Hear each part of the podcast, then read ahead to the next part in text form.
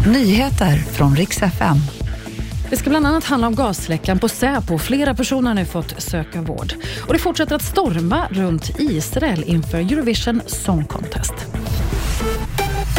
Boenden i Solna uppmanas nu att stänga fönster och dörrar efter den misstänkta gasläckan. Och det är Säpos lokaler som har tvingats evakueras. Runt 500 personer har evakuerats från lokalerna och runt fem personer har hittills fått söka vård. Region Stockholm har gått upp i stabsläge och skickat ut sjukvårdsresurser till plats.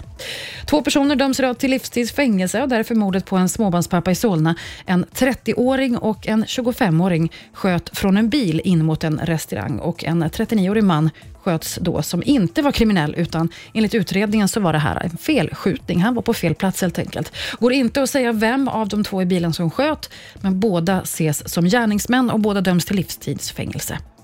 Det fortsätter att storma runt Israel inför Eurovision Song Contest. Tusentals artister från flera länder vill ju att de ska bojkottas. Det har arrangörerna EBU sagt nej till förut, men nu kommer kritik mot låttexten i Israels bidrag. Det refererar tydligen till Hamas attack mot Israel den 7 oktober. Och då skriver BBC att Israel har svarat med att hota att hoppa av tävlingen nu om arrangörerna vill att de ska ändra något i sin låttext, för det vill de inte. Mm. Tävlingen ska som sagt vara opolitisk, men fortsätter att vara ganska problematisk. Det var nyheterna. Jag heter Maria Granström.